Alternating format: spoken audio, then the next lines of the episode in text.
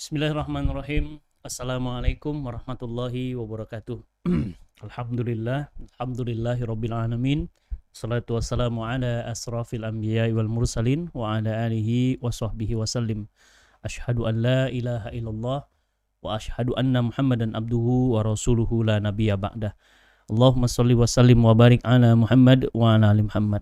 Faqala Allah Ta'ala fi Qur'anil Azim wa huwa asdaqul qailin Ya ayyuhallazina amanu stajibu lillahi walir rasul iza da'akum lima yuhyikum. Alhamdulillah subhanallah wa la ilaha illallah Allahu akbar. Wallahu akbar walillahil ham. Alhamdulillah segala puji hanyalah milik Allah Rabb yang senantiasa memberikan kita berbagai macam kenikmatan, berbagai macam anugerah berbagai macam kesempatan kepada kita. Alhamdulillah Allah Subhanahu wa taala memberi kita kesempatan untuk bisa ada di alam dunia ini. Bahkan hari ini Allah masih menghidupkan hati kita, jiwa kita, fisik kita, raga kita dan bukan hanya Allah memberikan kehidupan kepada kita, tetapi Allah memberikan beraneka ragam kenikmatan kepada kita. Mudah-mudahan Allah Subhanahu wa taala hanyalah Allah senantiasa menjadi tujuan kita dalam melakukan semua aktivitas.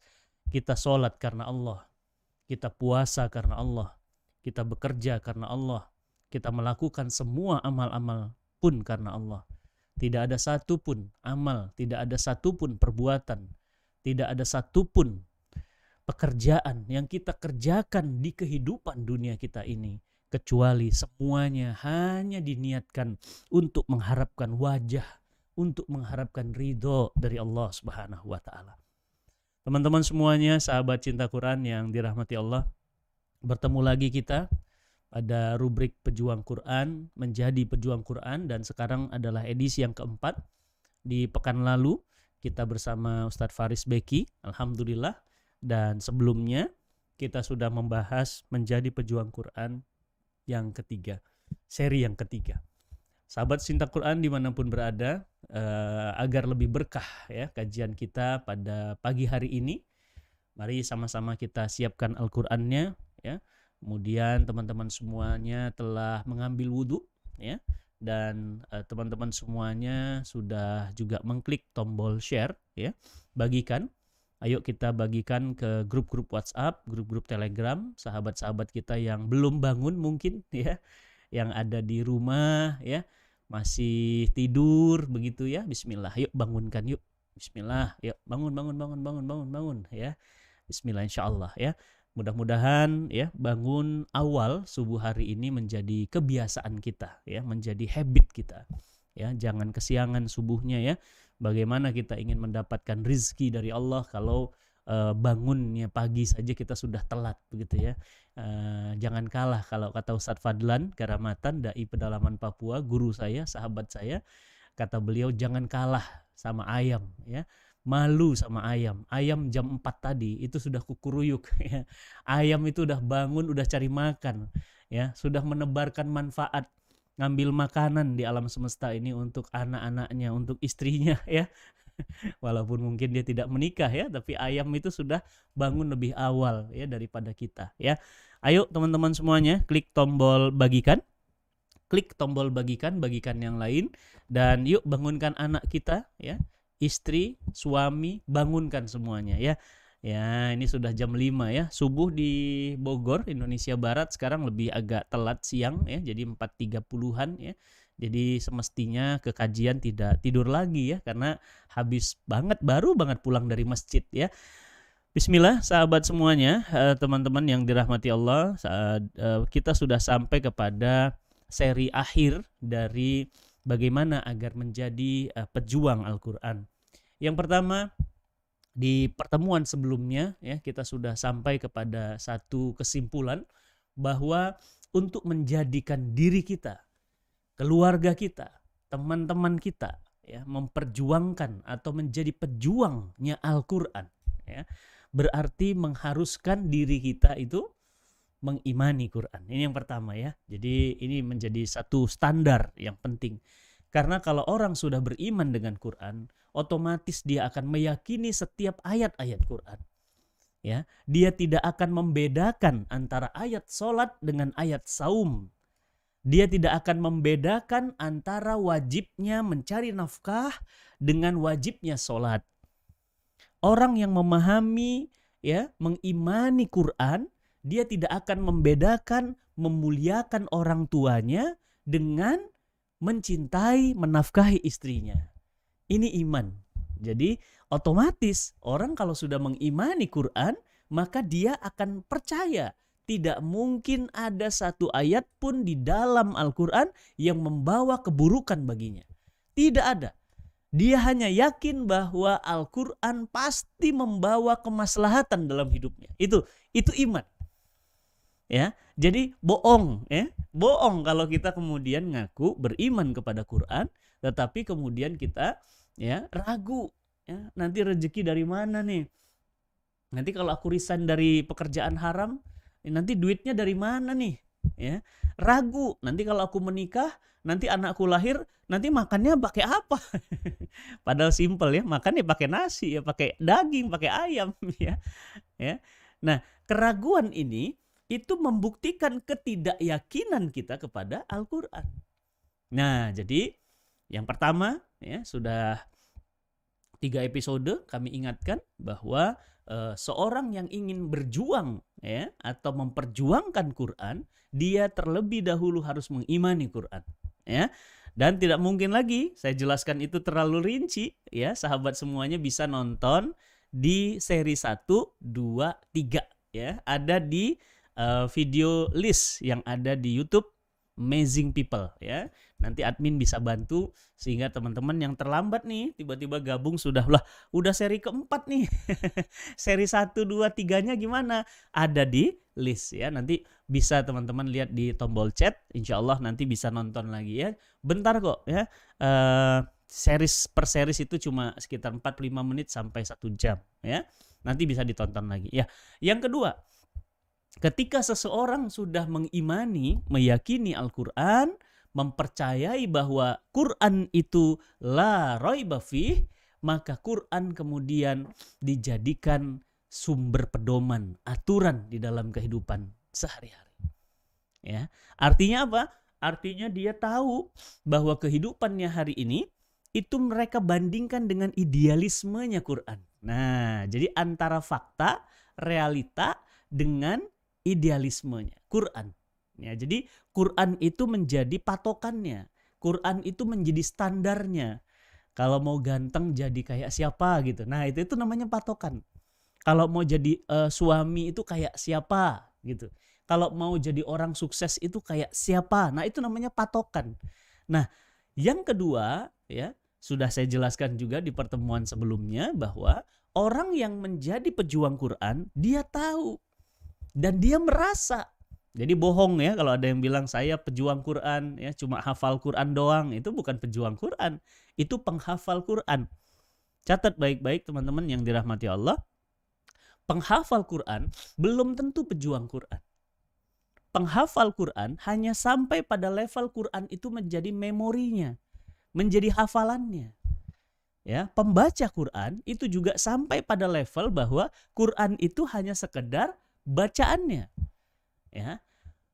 Penghafal dan pembaca Quran belum tentu dia memperjuangkan Quran. Catat, itu di garis bawahin. Ini yang sering banyak lupa. Kita kira pejuang Quran itu adalah para penghafal Quran. Dia adalah bagian dari, tetapi bukan syarat mutlak. Ya bukan berarti orang yang nggak hafal Quran ya dia tidak bisa masuk dalam kategori pejuang Quran. Nah ini penting nih ya maka orang yang memperjuangkan Quran dia tahu bahwa masyarakatnya hari ini adalah masyarakat yang rusak, riba di mana-mana, korupsi di mana-mana, pelacuran online, ya, LGBT, ada child free, ya, ada apalagi uh, pemujaan terhadap arwah, boneka, ada isu sesajen di mana-mana, ya. Ada uh, tuhan-tuhan lain selain Allah disembah di mana-mana. inilah ya orang yang memperjuangkan Quran. Yang kedua yang kita bahas adalah dia tahu, dia sadar. Nah, itu. Dia sadar dia hidup di dalam sebuah masyarakat yang masyarakat ini kapalnya ini kapal rusak. Nah, kemudian dia jadikan idealisme Qurannya. Nah, itu. Dia jadikan idealisme Qurannya menjadi standar patokan masyarakat itu. Yang dia lihat masyarakat banyak ya, pergaulan bebas, perzinahan, dia rubah dengan ya, dia perjuangkan dengan pernikahan. Dan bukan cuma dia yang menikah, tetapi dia membuat organisasi yang mengajak orang menikah. Dia tahu bahayanya menjijikkannya riba. Dia meninggalkan riba.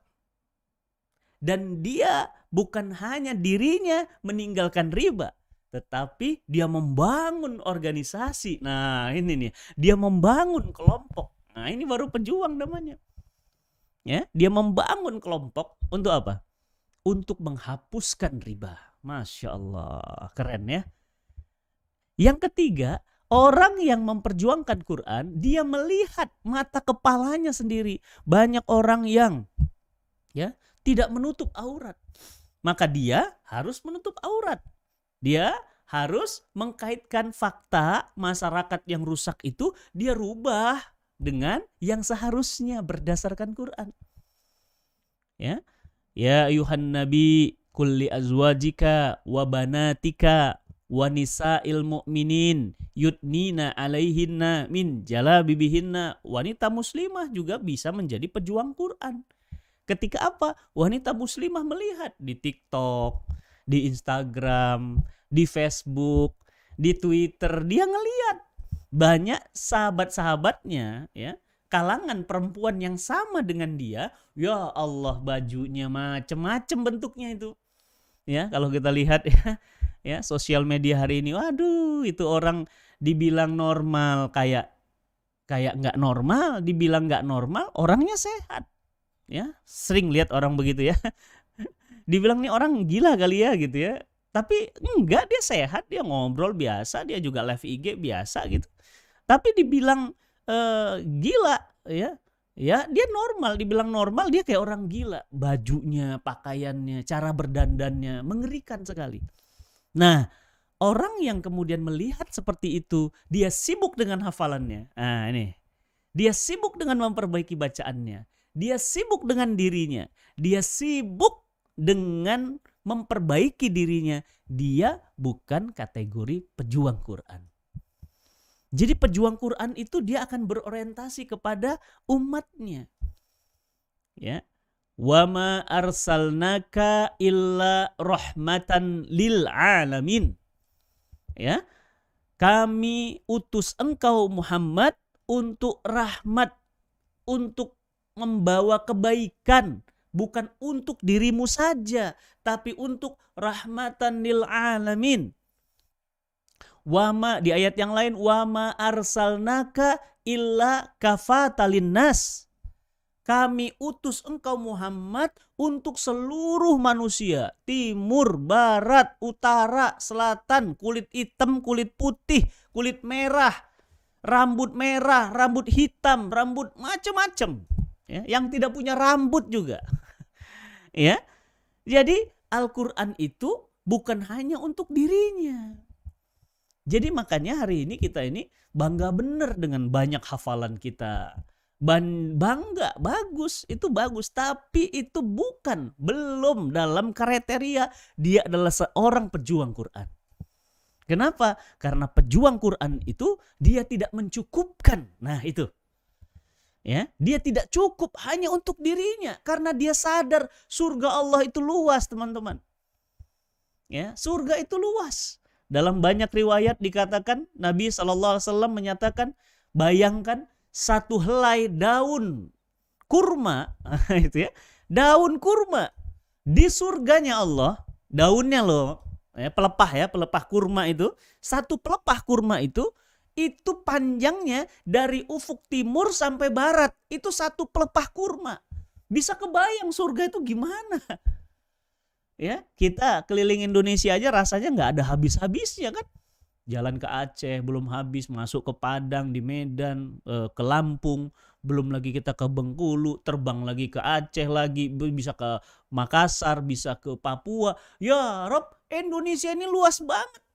Tapi bandingannya apa? Satu helai kata Nabi, ya pohon kurma di surga. Jadi kurmanya surga itu ukurannya, bayangin. Gimana ukurannya? Daunnya itu ujungnya ada di timur, paling timur. Ya, kalau kita ngelihat Papua itu belum timur, ada timurnya lagi. Ya, atau barat, maghribi, maghrib itu barat, itu ya ini Maroko, itu ujungnya ke ujung Papua. Bayangin, Masya Allah, itu satu lembar daunnya.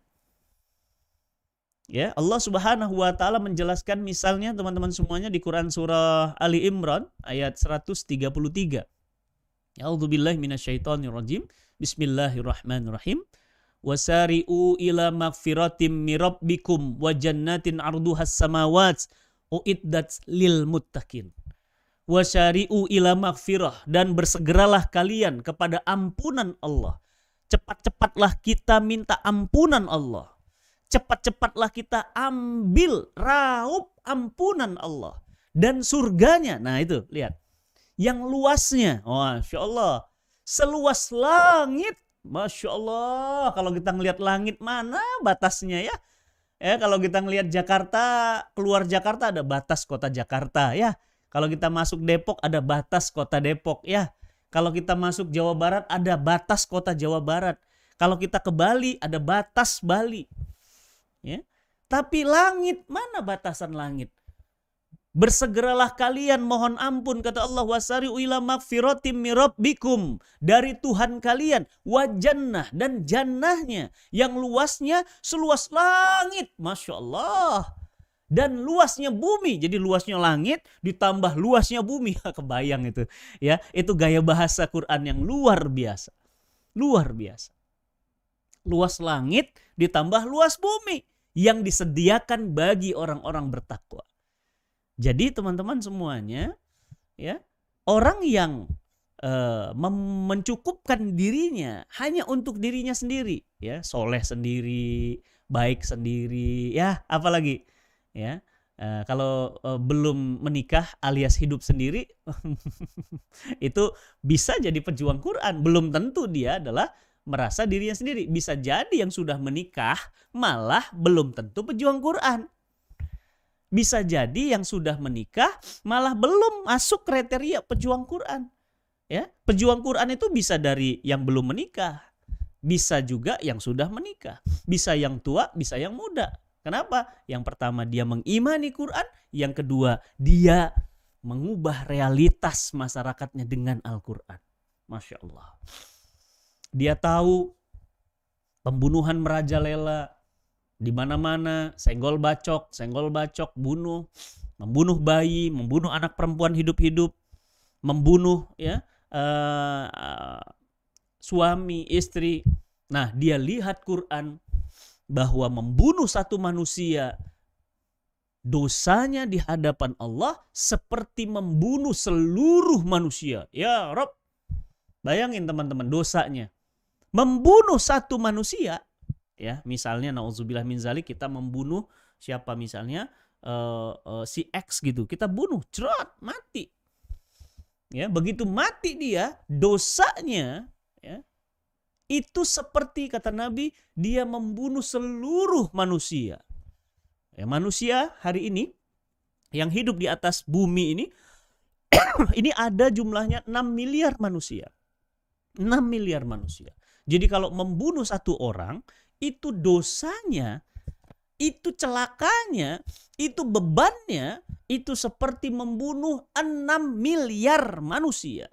Dan nah ini barang siapa yang menghidupi satu orang manusia, masya Allah, pahalanya seperti menghidupi seluruh manusia. Ya Rob Islam ini adilnya luar biasa. Kalau dia membunuh maka dosanya besar sebesar seluruh penduduk dunia, Masya Allah. Dan kalau dia menghidupi, berarti dia pahalanya seperti pahala menghidupi. Jadi ngasih makan 6 miliar manusia, ngasih rumah 6 miliar manusia, ya, ngasih kerja 6 miliar manusia. Bisa kebayang bagaimana pahala seseorang yang menghidupi manusia. Jadi teman-teman yang dirahmati Allah, pejuang Quran itu ya bukan hanya dia uh, mencukupkan dirinya soleh sendiri. Baca Qurannya bagus, tapi untuk dirinya. Hafalan Qurannya banyak, tapi untuk dirinya nggak mau ngajarin, nggak mau memperjuangkan, nggak mau mengubah realita, ya kan? E, bagus, ya, e, faham kajian tafsir, faham ilmu balaghah, ya, faham ilmu-ilmu kiroah Quran, ya, faham, ya, kuliahnya sampai doktoral, tetapi dia tidak merubah realitas masyarakat menjadi seperti apa yang Quran inginkan, dia bukanlah bagian dari kriteria pejuang Quran. Lihatlah contoh terbaik sepanjang masa, contoh terbaik sepanjang zaman, baginda Nabi Shallallahu Alaihi Wasallam. Coba kita lihat, siapa orang yang paling bagus bacaan Qurannya? Nabi. Siapa orang yang paling mengamalkan Qurannya? Nabi. Siapa orang yang paling bagus hafalan Qurannya? Nabi. Tapi Apakah Nabi cukup dirinya sendiri? Tidak. Nabi mengajak para sahabat, Nabi mengajak istri-istrinya, Nabi mengajak anak keturunannya untuk apa? Berjuang bersama menjadikan Quran sebagai standar, aturan, patokan yang ada di masyarakat Madinah hari itu. Ini ciri-ciri pejuang Quran yang kedua. Maka sahabat semuanya, apakah kita sudah masuk dalam kriteria itu? Tapi Ustadz bacaan Quran saya masih peletak-peletuk. Saya tapi saya nggak rela Ustadz ada riba. Pejuang Quran. Saya berjuang Ustadz. Saya ingin menuntaskan riba. Saya nggak mau ada orang utang pinjol sampai 300 triliun. Bayangin teman-teman semuanya. Ya, kabar duka Indonesia ini menggunakan dana riba itu sampai masya Allah ya 300 triliun. Bayangin banyak itu. Bukan bukan satu dua triliun. Padahal satu perak makan uang riba dosanya setara dengan 36 kali zina. Masya Allah. Allahu Akbar. Ngeri. 36 kali zina itu kebayang gimana untuk satu perak makan uang riba. Jadi dia belum bagus hafalan Qurannya. Yang dia hafal baru apa ya ayat pendek ya. Uh, muazzatain ya. Al-Ikhlas, Al-Falaq, An-Nas misalnya. yang dia hafalin baru uh, apa yang paling tinggi deh hafalannya ya, yang paling sering dibaca imam.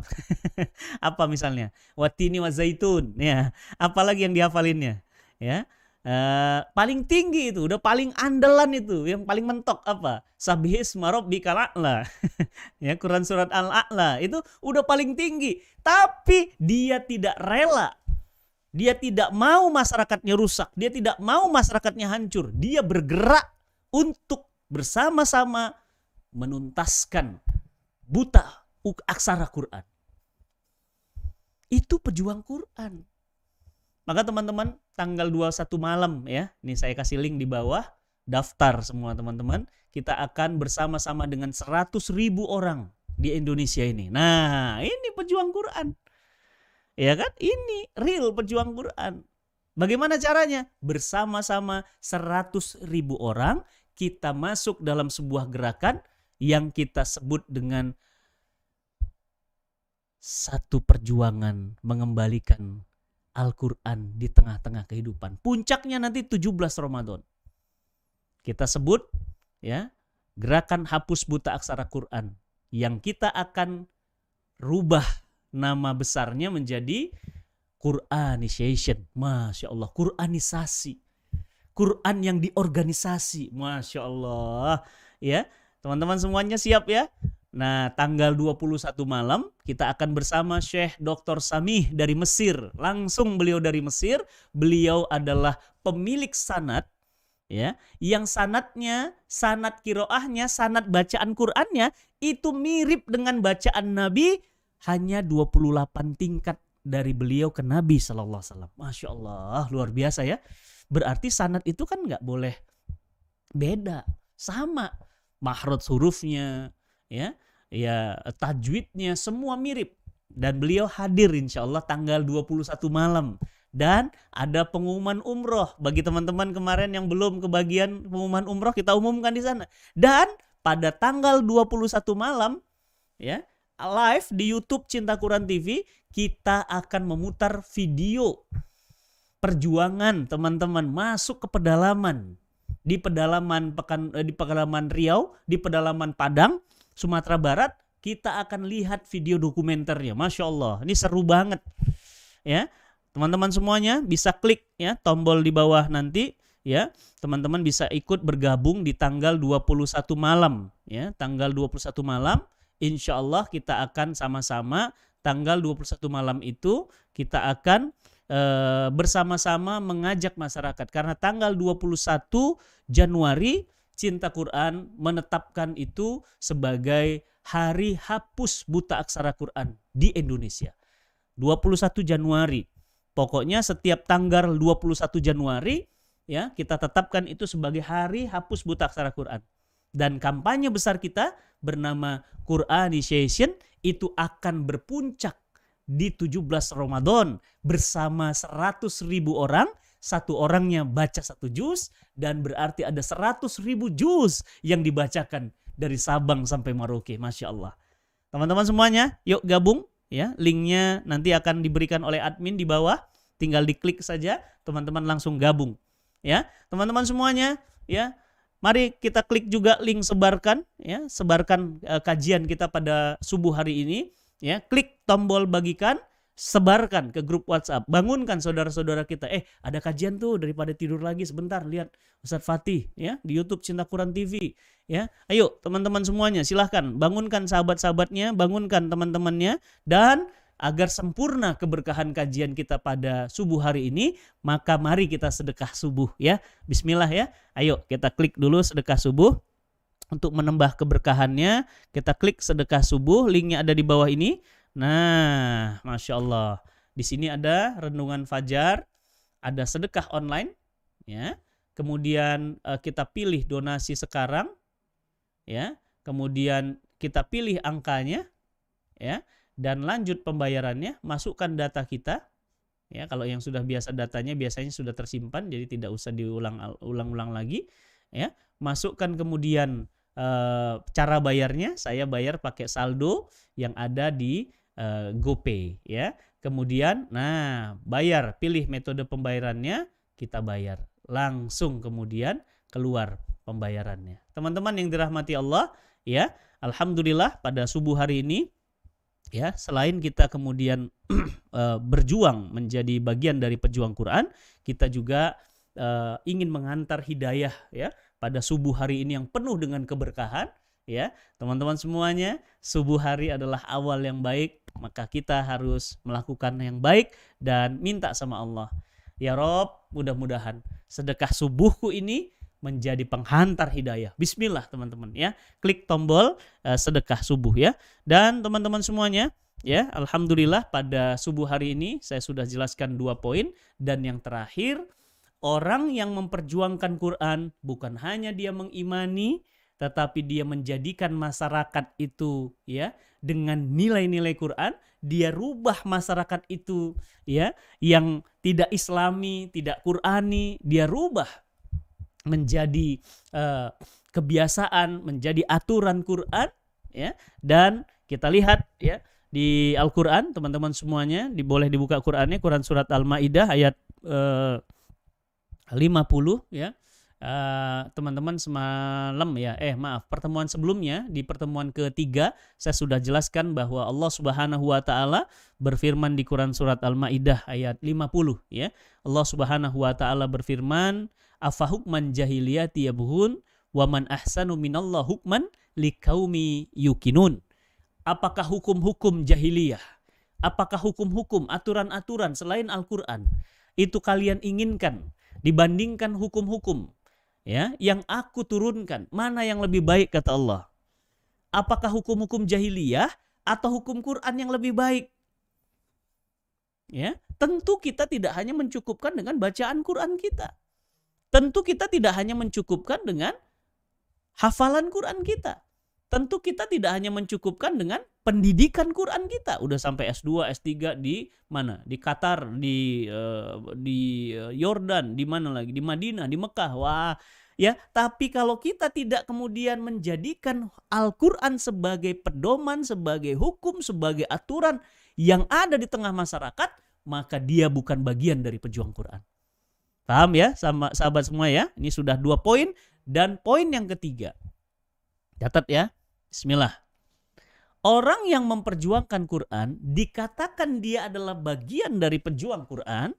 Selain dia mengimani Quran, selain kemudian dia itu kemudian ingin sekali nilai-nilai Quran itu ada di masyarakatnya, ada di kantornya, ada di rumahnya, ada di pasarnya, ada di pemerintahannya, ada di semua aspek kehidupannya. Yang ketiga, orang yang berjuang menjadi pejuang Quran berarti orang yang hatinya, dirinya senantiasa wifi-nya nyambung dengan Allah. Jadi bagaimana dia mau mengubah orang kalau baterainya drop? Bagaimana dia mau ngecas orang kalau dia baterainya kosong? Dia hampa. Dia tidak punya hubungan yang kuat dengan Allah, wifi-nya nggak nyambung. Ini yang saya sebut dengan spiritual power atau kekuatan spiritual atau dalam bahasa Arabnya disebut dengan al-quwah ar-ruhiyah, kekuatan ruhiyah. Apa itu kekuatan ruhiyah? Sebuah kekuatan yang tersambung antara seorang hamba dengan robnya. Wah ini ngeri nih. Ya, jadi nggak ada capeknya, nggak ada lelahnya, nggak ada ngantuknya. Dia selalu wifi-nya hidup terus. Coba teman-teman lagi ngetik, ya, lagi ngetik asik-asik browsing, ya, lagi asik-asik Instagram, tiba-tiba tak putus. Gimana coba? Nggak nyaman ya? Pasti nggak nggak enak ya. Kenapa? Karena keputus sinyalnya. Sinyal apa? Sinyal kita dengan Allah. Nah, pejuang Quran dia harus selalu sinyalnya on, nyambung terus. Bagaimana caranya? Alladzina yazkurunallaha qiyama wa qu'udaw ala junubihim wa yatafakkaruna fi khalqis samawati wal ard Rabbana ma khalaqta hadza batilan subhanaka fakina azabannar. Teman-teman semuanya, handphone saya ini. Nah, ini bukan kode ya. Ini sekedar informasi ya. Ini handphone saya.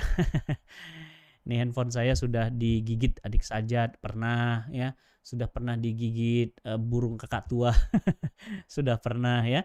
Nah handphone saya ini ini bisa ngecas antar handphone ya untuk seri-seri tertentu di Samsung ada. Jadi nanti kalau mau ngecas teman teman-teman misalnya sama Samsungnya tapi harus serinya yang uh, lebih-lebih agak baru lah ya. Itu kalau ditempelkan badan dengan badannya ngecas dia.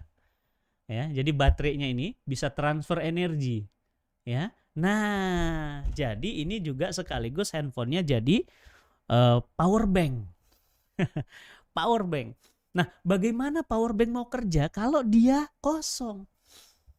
Bagaimana power bank mau kerja kalau dia nggak ada isinya maka power bank itu dia akan bisa bekerja ketika kemudian dia memiliki kecukupan energi Nah, pejuang Quran dia harus merenungi ayat Quran surah Ali Imran. Teman-teman semuanya, buka Qurannya lagi.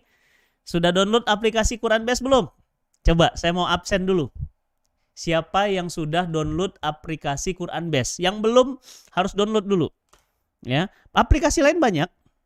Ya, aplikasi lain banyak, tetapi uh, aplikasi Quran Base menurut saya the best. Ya, nah ini ya Quran Base ya, warnanya merah ya.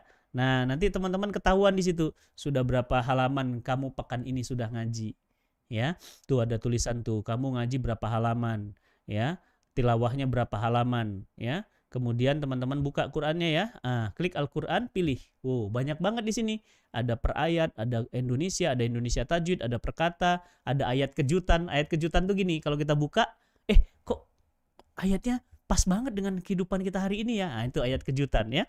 Kemudian ada tajwid perkata, ada Madinah dan yang lainnya ya. Yuk teman-teman buka Quran surah Ali Imran. Nah, saya sudah buka nih ya. 190. 191 ya. Inna fi khalqis samawati wal ard wa ikhtilafil laili wan nahar la ayati li ulil albab alladzina yazkurunallaha qiyaman wa qu'udan wa ala junubihim wa yatafakkaruna fi khalqis samawati wal ard rabbana ma khalaqta hadza batilan subhanaka fakina azabannar Teman-teman semuanya, bagaimana caranya agar kita selalu ya ingat agar terkonek. Nah, jadilah orang seperti ini. Ya, jadilah orang yang alladzina yaskuruna, orang-orang ulil albab. Hmm, siapa ulil albab itu? Ulil albab itu orang cerdas. Ulil albab itu orang mikir, gitu. Ulil albab itu orang pinter, ya. Orang-orang yang sadar, Siapa mereka? Ulil albab. Ayat 191-nya menjelaskan. Alladzi yakni orang-orang yang yazkurunallaha. Ya, dia adalah orang yang selalu ingat Allah. Ya, bukan cuma tangannya subhanallah, subhanallah, subhanallah, alhamdulillah. Bukan cuma itu, tapi orang yang ingat Allah. Kapan ingat Allahnya? Ketika dia yazkurunallaha kiyama berdiri Qiyama wa qu'uda wa ala junubim. Berdiri, duduk, berbaring. Dia selalu mengingat Allah dan dia selalu berfikir tentang fi khalqis samawati wal ard memikirkan tanda-tanda kehebatan, memikirkan keagungan penciptaan, memikirkan kesempurnaan Allah Subhanahu wa taala, hebatnya Allah. Ah itu. Apa katanya? Robbana, ya Allah, ma khalaqta haza tidak ada pernah yang engkau ciptakan tidak ada yang sia-sia. Wah, masya Allah, ini orang ulil albab. Siapa mereka ulil albab? Mereka selalu lihat ya. Kalau kita lihat handphone canggih ya, masya Allah. Ini saya panggil nih misalnya ya, pakai suara. Ya, kita mau nelfon nih, ya kan? Kita pakai ya uh, uh, pengaturan ya, pakai suara. Ya, ya bisa pakai suara nih. Ini misalnya contoh di SMS juga bisa nih kita pakai suara supaya bisa ngetik ya, masya Allah. Ya makanya teman-teman harus ya update ya. Nah di sini ada pengaturan nih. Nah ini ada suara sentuh, tahan dan merekam studio, merekam audio nih. Mohon maaf, nanti saya balas lagi jam 12 siang. Nah, ada. Ada fasilitasnya. Tapi kita nggak pakai itu kan, karena kita nggak memperhatikan, kita nggak ngeliat bahwa di handphone kita ini canggih sekali. Dia bisa untuk live YouTube, dia bisa untuk foto, dia bisa untuk uh, selfie, dia bisa untuk video, dia wah macam-macam ini fungsinya, bisa untuk bisnis, bisa untuk berdakwah, bisa untuk ngaji kajian kita hari ini, bisa untuk share dakwah, bisa untuk menggalang dana untuk saudara kita yang sakit, bisa. Dan kita bilang apa sama Samsung ini? Hebat yang Samsung ya, keren ya Samsung ya, canggih ya Samsung ya, hebat ya. Nih handphone saya nih teman-teman, ini dia bukanya ya, itu nggak bisa pakai uh, sidik jari sembarangan orang. Nih mati ya. Nah, saya buka nih. Nah, ini kebuka. Ini gambar kucing saya di depan. ya, namanya Momo ya. Siapa yang uh, suka piara kucing? Ya, ini Momo ya, Momo sekarang lagi punya anak dua. Ya, Momo ini sudah tiga kali melahirkan. Ya, ini kucing hadiah dari sahabat saya, warnanya coklat kayak coklat kopi. Ya, cakep. Ya, nih oke, saya buka ya. Bismillah, saya buka. Nih, pakai sidik jari. Nah, kebuka.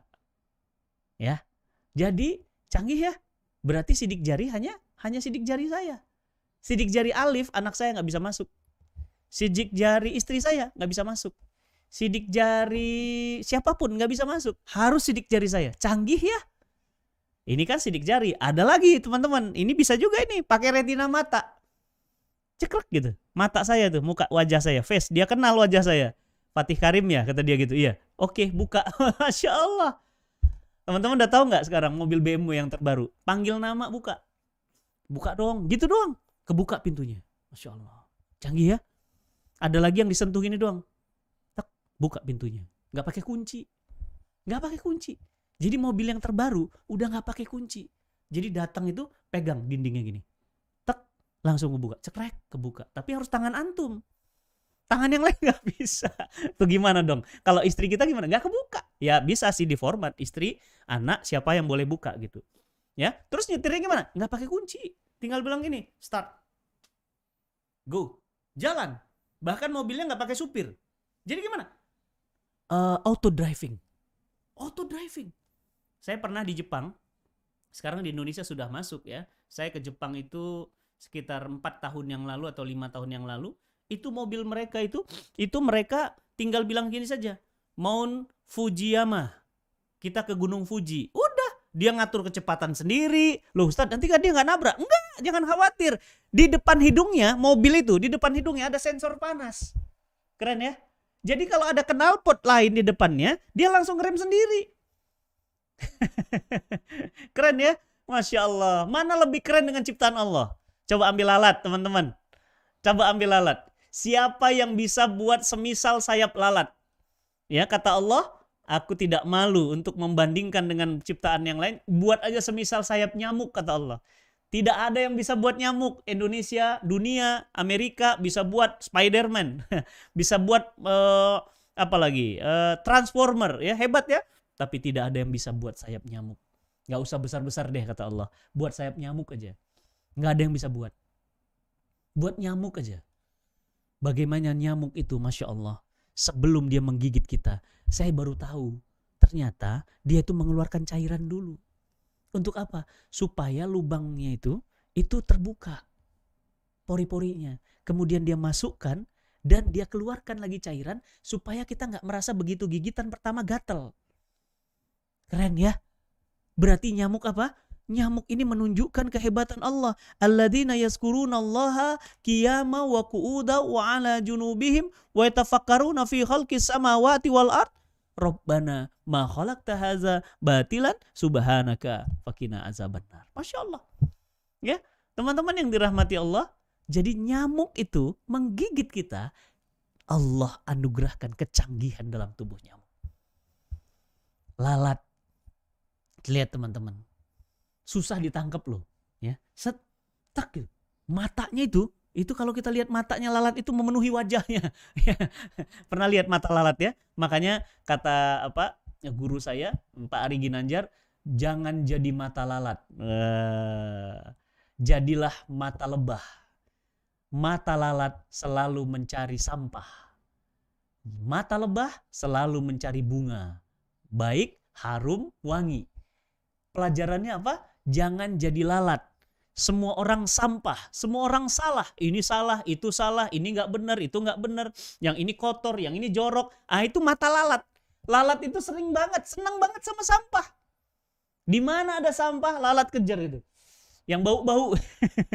ya. Nah, jadi kalau teman gimana? Wah, oh, dia mah susah belajarnya lambat. Otaknya on. Nah, itu itu itu itu, itu mata lalat tuh. Eh, dia mah susah, nggak bisa diajak ke tengah dia mah. Nalarnya itu nggak jalan. Eh, dia mah pelit, ya. Uh, orangnya nggak, wah pokoknya negatif aja. Nah, orang yang seperti ini namanya mata lalat. Mata lalat itu gimana? Mencari kekurangan, mencari kebusukan, mencari kesalahan orang lain. Paling mudah loh teman-teman. Makanya ada pepatah bilang apa? Gajah di pelupuk mata tidak terlihat, tapi kuman di ujung laut nampak. Masya Allah, luar biasa. Kenapa kuman di ujung laut nampak? Kenapa gajah di pelupuk mata tidak nampak? Karena saking besarnya kesalahan kita. Saking besarnya dosa-dosa kita. Saking besarnya kekeliruan kita. Sampai-sampai kita ini nggak bisa melihat kesalahan sendiri. Tapi kalau melihat kesalahan orang lain, jago banget kita. Ya kan? Di seberang laut, bayangin kuman lagi. Udah kuman di seberang laut. Nampak. Bagi orang yang ingin mencari kesalahan orang lain akan mudah mencarinya. Ada aja kesalahannya. Nih saya lagi siaran nih. Nah saya bilang nih nanti sama admin saya, kamu nih salah ininya, kamu salah itunya. Kamu salah ininya, kamu salah itunya. Gampang buat saya. Ya teman-teman juga kalau mau nyari kesalahan saya gampang. Ustadz posisi duduknya salah. Ustadz uh, geser dikit biar ke tengah biar nggak salah. Ustadz tadi ada mahrut huruf yang salah. Ustadz panjang pendeknya salah. Ustadz ininya salah. Ustadz itu salah semua. Semua salah. Kenapa? Mata lalat. Tapi kalau antum matanya mata lebah. Dia akan selalu mencari di mana ada madu yang bisa diambil. Dan dia jadikan madu itu sebagai penyembuh banyak orang. Jadilah mata lebah. Nah jadi dari mata lebah mata lalat kita bisa alladzina yaskurunallaha qiyamau wa qu'udau ala junubihim. Dia akan kemudian menyatakan Robbana ma khalaqta hadza batilan subhanaka fakina azabannar. Yang ketiga, seorang pejuang Quran dirinya senantiasa terkoneksi dengan Allah. Kabelnya nyambung tanpa putus. Mau di kamar nyambung. Mau di uh, mana lagi? Uh, kantor nyambung. Di dalam mobil nyambung. Lagi naik gunung Semeru. Ya bukan nendang sesajen. Ya ini gara-gara nendang sesajen rame ya ya memang eh, sesajen itu ya kesirikan tetapi ya nggak ditendang juga kali mas gitu ya. Nggak gitu caranya. Nabi itu ngelihat apa tuh patung-patung itu nggak wah dihancurin semua nama nabi. Enggak gitu ya. Nanti kalau sudah memiliki kemampuan kekuatan Madinah nabi datang ke Mekah baru menghancurkan berhala. Kalau ya menghancurkan itu ternyata membawa petaka membawa masalah maka ya jangan main tendang begitu ya. Ada lihat sesajen tendang. Nanti ada ngelihat apa lonceng apa itu e, biara atau lonceng gereja pukul tendang bakar. Waduh ini orang ya kayak gimana mentalnya ya. Nah teman-teman yang dirahmati Allah yang ketiga adalah orang yang menjadi pejuang Quran dia selalu terkoneksi dengan Allah. Ya lagi duduk dia ingat Allah ciptaan Allah dia lagi makan, lihat bulir-bulir nasi, ingat Allah ya. Kalau lagu-lagu orang lama katanya mau tidur ingat kamu ya, mau makan ingat kamu. Rasanya tidak ada yang bisa uh, melepaskan pelupuk mataku dari ingatan tentangmu. Masya Allah, teman-teman ya, nggak bisa lupa ya. Kenapa aku tidak bisa menghapus wajahmu dari uh, ingatanku. Waduh, waduh itu. ya, teman-teman pernah ngerasain ya? Yang pernah jatuh cinta pernah? Masya Allah pernah ya? Ini tutup mata, wajah dia nih, tuh. Hmm, mau tidur coba. Aduh, muka dia lagi nih. Muka siapa Ustadz? muka Umu Sajat. ya, ya. Apalagi nih? Lagi apa? Lagi macul gitu. Ingat kamu lagi. Mau tidur, ingat kamu. Mau makan kan. Nah, kamunya tuh diganti. Besar semua. Dia apa? Dialah Allah Jalla Jalalu. Teman-teman yang dirahmati Allah, betapa besar anugerah Allah kepada kita. Setiap hari Allah nampakkan tanda-tanda kekuasaannya. Yang salah, Allah nampakkan tanda-tandanya. Yang benar, Allah nampakkan tanda-tandanya. Maka teman-teman semua, tips yang ketiga, menjadi pejuang Quran, selalu terkoneksi dia dengan Allah. Dan yang terakhir, yang keempat, dan setelah seri ini yang keempat, kita akan masuk ke seri baru. Tema baru dan berseri lagi. Insya Allah. Yang keempat, teman-teman semuanya, untuk menjadi pejuang Quran. Bukan hanya mengimani, meyakini Quran tidak ada keraguan di dalamnya. Bukan hanya punya keinginan merubah dirinya, tetapi merubah masyarakatnya dengan Quran. Yang ketiga, dia selalu terkoneksi dengan sang pencipta Quran. Dia tidak pernah putus nyambung, putus nyambung, nggak pernah. Dia tanpa putus selalu mengkaitkan dirinya dengan penciptaan Allah. Selalu menghubungkan dirinya dengan penciptaan Allah.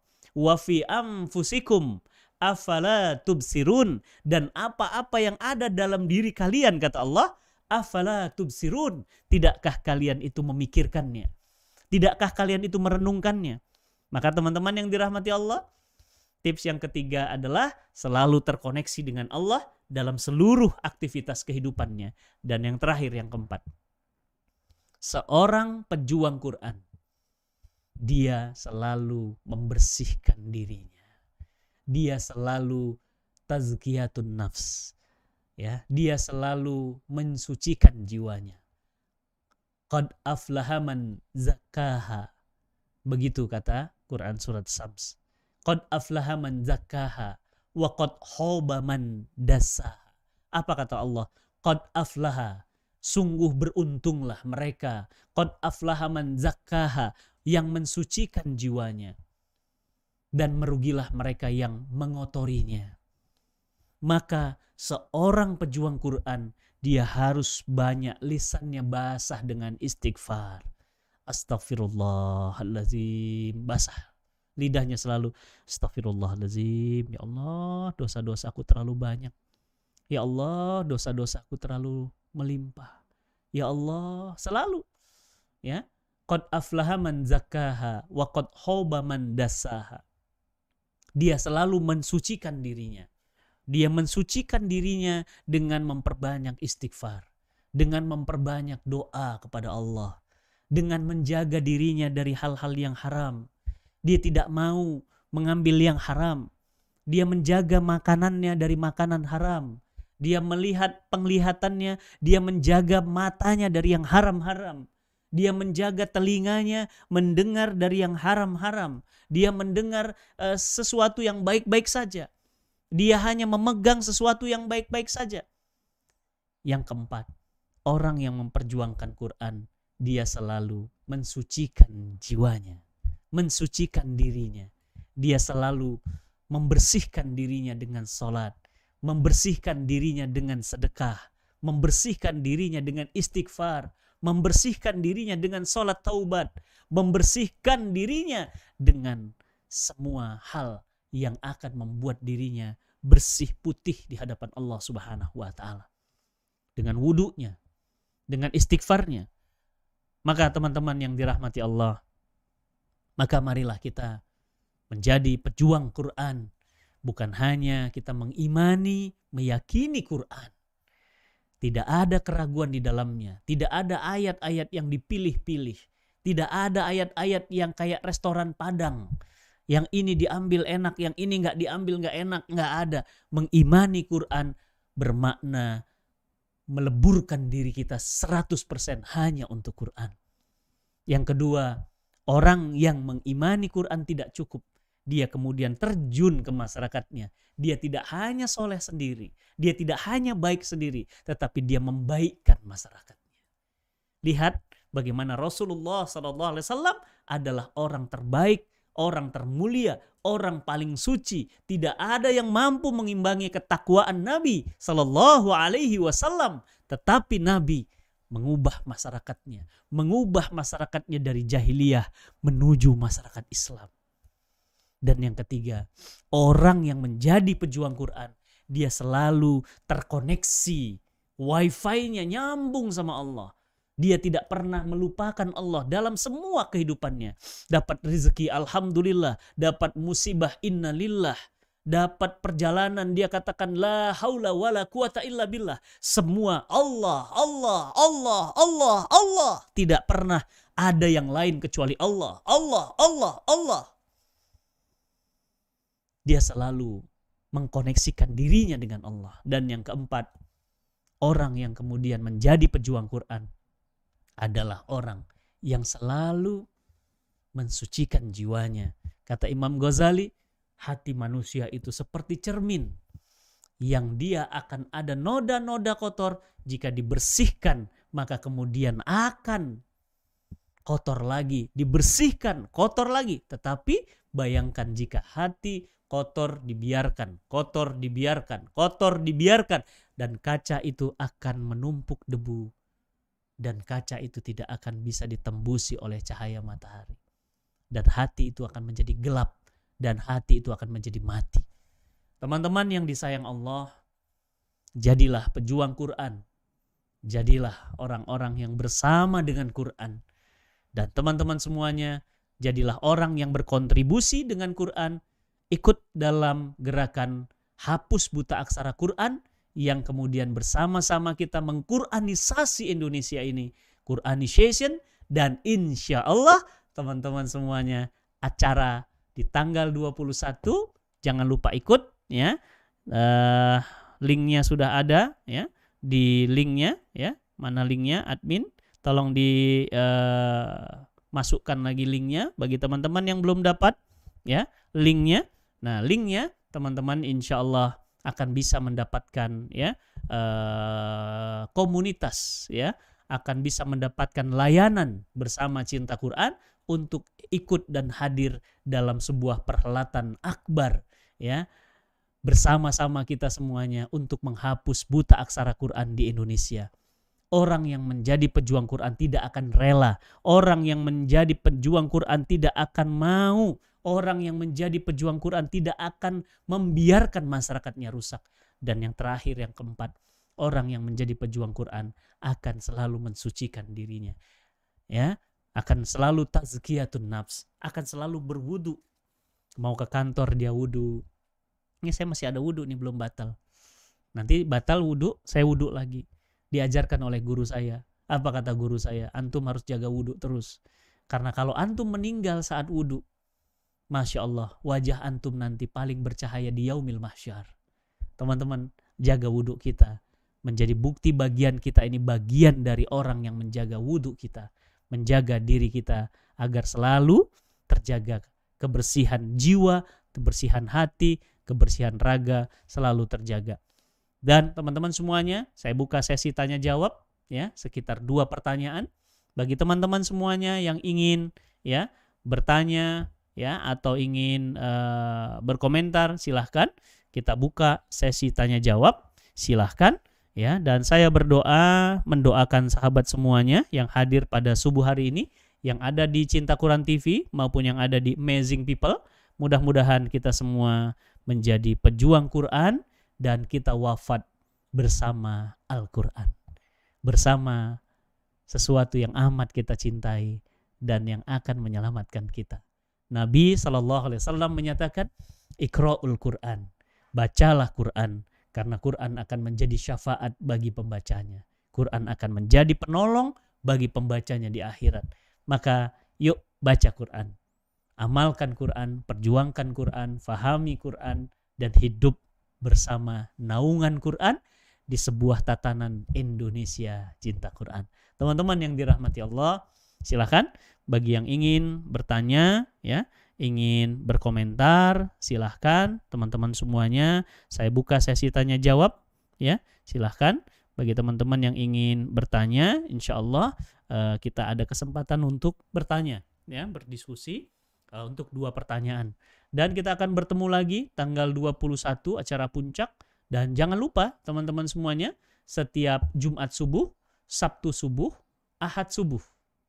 Selasa, Jumat, Sabtu, Ahad. Ya, ini adalah uh, live YouTube bersama uh, Cinta Quran ya. Dan teman-teman semuanya jangan lupa setiap Senin malam, Rabu malam, Sabtu malam live juga bersama saya dan ustadz-ustadz dari berbagai macam kalangan ya. Masya Allah. Dan teman-teman semuanya terus uh, stay di Cinta Quran ya. Dukung perjuangan Cinta Quran uh, teman-teman dari Cinta Quran Foundation agar kita bersama-sama bisa mewujudkan Indonesia Cinta Quran baik ya Uh, Said Better ya. Assalamualaikum Ustaz. Ane mau nanya, bagaimana cara berhenti dari menonton film dewasa? Ya. Ya, antum menonton film anak-anak aja. Iya kan? Nah, bagaimana caranya agar antum berhenti menonton film dewasa? Nonton film anak-anak aja. Saya nonton Transformer sama Sajat itu ya. Nah, saya nonton film sama Sajat lagi yang lucu-lucu, yang kecil-kecil itu uh, ini apa namanya? Um, Nusarara ya. Saya nonton juga film nggak bercanda ya. Yang pertama, Bagaimana caranya agar berhenti ya nonton film dewasa? Yang pertama, antum harus tahu bahwa ajal bisa datang kapan pun. Ajal bisa datang antum sedang tidur. Mati bisa datang antum sedang makan. Dan bayangkan antum mati sedang nonton film dewasa itu.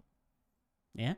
Maka apa? Berarti antum dicatat mati dalam keadaan suul khotimah. Matinya lagi kayak gitu matinya dengan kebiasaan kita. Hati-hati teman-teman semuanya. Karena seseorang akan diwafatkan sesuai kebiasaannya. Ya, seseorang akan diwafatkan sesuai kebiasaannya. Ya. Kalau orang yang biasanya jalan-jalan, wafatnya lagi jalan-jalan. Coba tebak, mau ke manakah kita? Tuh kan benar, wafatnya lagi jalan-jalan. Karena orangnya suka jalan-jalan. Ya kan? Ada orang yang suka jajan. Ya matinya lagi jajan. Di apartemen, di hotel, ya kan? Ada orang yang ya uh, hobinya hmm, uh, belanja, ya matinya lagi belanja. Ada orang yang hobinya main bola atau uh, menjadi supporter bola, matinya lagi supporter bola. Ya. Nah, jadi yang pertama ingat mati. Ya, ingat mati. Itu akan uh, membuat kita mikir dua kali. Ah, udahlah.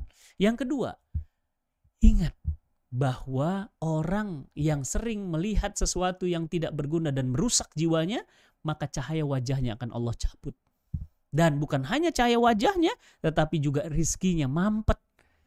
Makanya kita tuh bingung kenapa kok rizki kita susah ya? Karena ternyata kita suka melihat yang haram-haram. Ya, jangan ya, hentikan, stop. Ya, yang kedua. Yang ketiga, sibukkan diri antum dengan kebaikan. Ya, ini bukan hanya Mas Said Better ya, tapi untuk kita semuanya. Ya, semua kita harus apa? Harus kemudian sibuk. Ya, sibuk. Pokoknya cari kesibukan.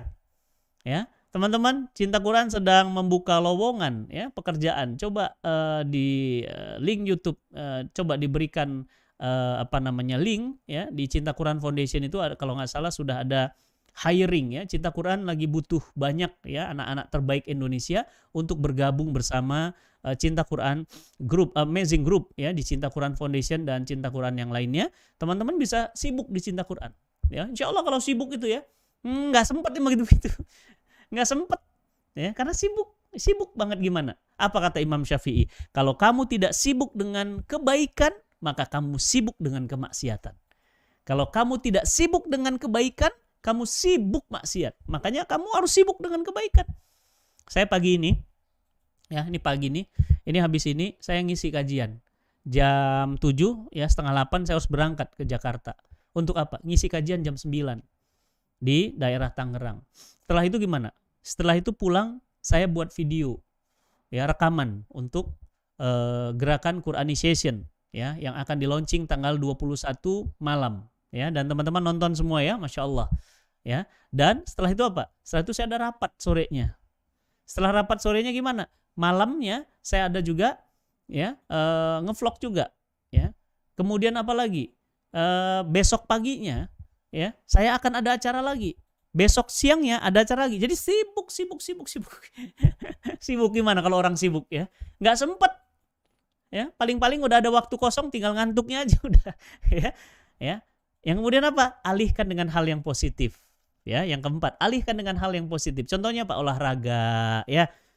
Olahraga ya kan? Apalagi memelihara binatang ternak. Itu antum buat sibuk jadinya. Ya kalau saya punya burung ada kucing ya? Ada uh, iguana. Suka merah iguana ya. Ada apa lagi? Ayam saya suka ayam. Ayam saya banyak ya ada ayam kapas ada ayam macam-macam. Sibuk. Sibuk saya ngurusin ayam ngurusin kucing ngurusin apalagi burung ngurusin ikan. Saya punya ikan juga. Ya nggak sempet. Nggak sempet. Akhirnya ya sudah. Akhirnya ada waktu sama anak sama istri. Nggak sempet untuk uh, santai-santai browsing nggak sempet. Nggak sempet. Kenapa? Karena yang pertama takut matinya di sana pada saat maksiat. Yang kedua, sibukkan diri kita dengan kebaikan. Yang ketiga, teman-teman ingat orang yang seperti itu cahaya hati dan cahaya wajahnya akan buram, usam, dan badannya akan rusak. Maka eh, ingat itu adalah sebuah keburukan sehingga kita Bismillah pelan-pelan menghindari, menghindari lama-lama sudah biasa tidak tidak lagi seperti itu ya. Itu ya yang ingin saya sampaikan ya. Nah, ini ada pertanyaan lagi ya pertanyaan lagi. Afwan Ustadz mau tanya, dalam Quran dijelaskan bahwa tipu daya setan itu lemah ya. Setan itu do'ifa ya, tapi dalam praktek kehidupan sehari-hari kadang-kadang godaan itu Masya Allah banget Ustadz. Mohon penjelasannya. Benar. Benar. Sebenarnya setan itu lemah ketika kita memiliki kekuatan iman. Nah, itu. Jadi setan itu lemah ketika iman kita kuat. Tapi ketika iman kita down, setan yang tinggi. Nah, itu jadi kayak berhubungan terbalik begini nih. Kalau setan itu eh, kalau iman kita rendah, setan menguat. Gitu. Jadi bukan bukan setannya yang kuat sebenarnya, kitanya yang sedang drop. Sama kayak gini deh. Corona itu lemah, teman-teman. Benar, serius. Corona itu lemah. Kenapa? Lah, manusia itu kan Allah di khalaqal insan uh, fi ahsani takwin. Yakni Allah Subhanahu wa taala uh, menciptakan manusia nih penciptaan terbaik, tubuhnya tubuh terbaik. Ya kan? Ada hidung, ada pernafasan, eh terbaik, ada kerongkongan, ada wow, ada antibodinya lengkap manusia itu paling sempurna, paling sempurna. Fi ahsani takwin. Penciptaan terbaik itu ya manusia penciptaan matahari hebat, belum sehebat menciptakan manusia. Allah menciptakan manusia hebat. Corona itu kecil. Ya betul nggak pernyataan? Corona itu kecil. Kapan corona itu kecil, teman-teman? Jawab. Kapan corona itu kecil? Ketika antibodi antum kuat. Betul kan? Iya.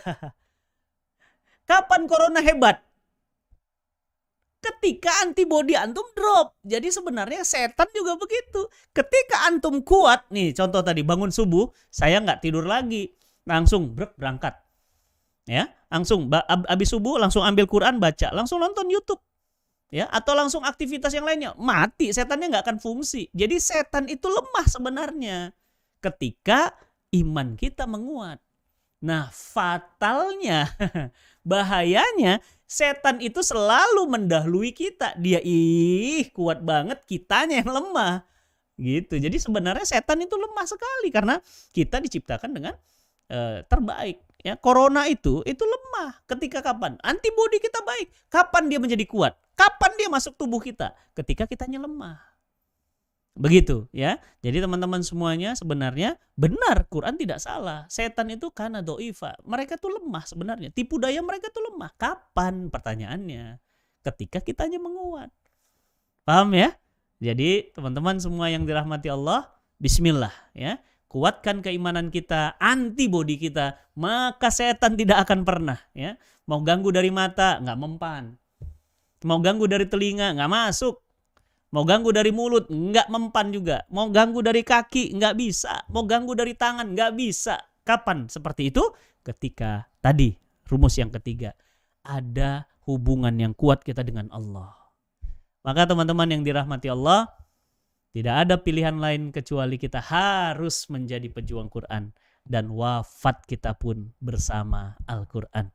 Sahabat semuanya, mari sama-sama ya, kita tutup kajian ini dan kita akan lanjutkan Selasa subuh pekan depan.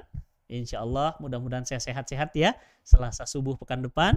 Antum juga saya doakan sehat semuanya ya. Rezekinya mudah, diberikan Allah dari segala arah ya dan rezekinya halal berlimpah amin ya keluarganya sakinah mawaddah warohmah ya bismillah ini ini didoakan malaikat ya dan insyaallah semuanya kita wafatnya husnul khotimah. Amin ya rabbal alamin. Teman-teman semuanya, yuk kita berdoa, bermohon pada Allah Subhanahu wa taala agar Allah Subhanahu wa taala memberikan kita kekuatan untuk menjadi pejuang Quran. Mari sama-sama kita istighfar. Astaghfirullahalazim. Astaghfirullahalazim. Allazi la ilaha illa huwal hayyul qayyum wa atubu ilaik. A'udzu billahi minasyaitonir rajim. Bismillahirrahmanirrahim. Alhamdulillahirabbil alamin. Salatu wassalamu ala asrafil anbiya wal mursalin wa ala alihi wa sahbihi wa sallim. Allahumma rabbana zolamna anfusana wa illam taghfir lana wa tarhamna lanakunanna minal khasirin. Ya Allah ya Rahman, ampunkan dosa-dosa dan kezoliman-kezoliman kami. Ampunkan dosa-dosa mata kami. Ampunkan dosa-dosa telinga kami. Ampunkan dosa tangan-tangan kami Ampunkan dosa kaki-kaki kami. Ampunkan dosa hati kami, ya Allah. Ya Rob, ya Rahman, bimbing hati kami. Bimbing jiwa kami. Bimbing langkah pikiran kami. Bimbing rumah tangga kami. Bimbing negeri kami, ya Allah. Agar senantiasa ada di jalanmu, ya Allah. Allahumma Rabbana, ya Allah. Jadikan kami para pejuang Al-Quran. Jadikan kami para pejuang Al-Quran. Jadikan kami wafat bersama Al-Quran. Jadikan kami wafat sedang membaca Al-Quran. Jadikan kami wafat sedang menghafal Al-Quran. Jadikan kami wafat sedang menggenggam Al-Quran. Ya Rahman, Ya Rahim, irhamna. ampuni kami, ampuni dosa-dosa kedua orang tua kami ya Allah. Ya Rahman, Ya Rahim, saudara-saudara kami yang hadir pagi ini, Ya Allah, terima sedekah subuhnya, Ya Allah. Jadikan sedekah subuhnya jalan, memudahkan urusan dunia dan akhiratnya, Ya Allah. Ya Rahman, jadikan kehadirannya subuh hari ini ya Allah menguatkan keimanannya, menggerakkan dia, merubah masyarakatnya ya Allah jadi jahiliyah dari jahiliyah menjadi Islam. Ya Al-Rahman, wafatkan kami semua dalam keadaan husnul khatimah. Wafatkan kami semua dalam keadaan husnul khatimah. Wafatkan kami mengucapkan kalimat La ilaha illallah Muhammadur Rasulullah. Ya Rahman Mudahkan kami menghadapi sakratul maut Dan sesudah sakratul maut. Ya Allah Mudahkan urusan kami dunia dan akhirat Mudahkan urusan yang belum memiliki keturunan Ya Allah. Mudahkan urusan yang belum memiliki pasangan hidup Ya Allah. Mudahkan urusan yang belum mendapatkan pekerjaan Ya Rahman. Mudahkan urusan Ya Rahman Bagi yang belum memiliki rumah Ya Allah. Allahumma Rabbana ya Allah, wafatkan kami, wafatkan kami dalam keadaan husnul khatimah. Ya Allah, Engkau melihat kami pagi ini ya Allah. Tolong kami ya Allah kuatkan iman kami, kuatkan kesabaran kami, kuatkan keturunan kami, kuatkan negeri kami, jauhkan kami dari bala, dari musibah, dari mara bahaya dan bencana. Ya Allah, terima doa-doa kami, ijabah doa-doa kami pagi ini ya Allah. Rabbana atina fid dunya hasanah wa fil akhirati hasanah. Wa qina azaban nar wa qina azaban nar bi rahmatika ya arhamar rahimin. Subhana rabbika rabbil izzati amma yasifun. Wa salamun alal mursalin walhamdulillahi rabbil alamin al-fatihah auzu billahi minasyaitonir rajim bismillahirrahmanirrahim alhamdulillahi rabbil alamin arrahmanir rahim maliki yaumiddin Iyyaka na'budu wa iyyaka nasta'in. Ihdinas siratal mustaqim. Siratal ladzina an'amta 'alaihim ghairil maghdubi 'alaihim waladdallin. Amin. Amin ya rabbal alamin. Teman-teman semuanya, selamat bertemu lagi di kajian Selasa subuh bersama saya. Ingatkan sahabat-sahabatnya untuk selalu bersama Al-Qur'an dan menjadi pejuang Quran. Apa yang antum dapat pagi ini? Share ke teman-teman kita, share kepada keluarga kita dengan bahasa yang mudah difahami oleh mereka.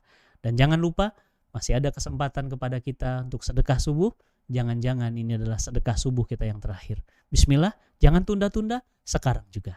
Saya mohon izin, pamit, undur diri. Semoga Allah menjaga saya, menjaga antum semuanya, dan semoga kita nanti bertetangga di surganya Allah Subhanahu wa taala. Bertetangga abadi bahagia selama-lamanya. Mohon maaf lahir dan batin. Walafu minkum. Assalamualaikum warahmatullahi wabarakatuh.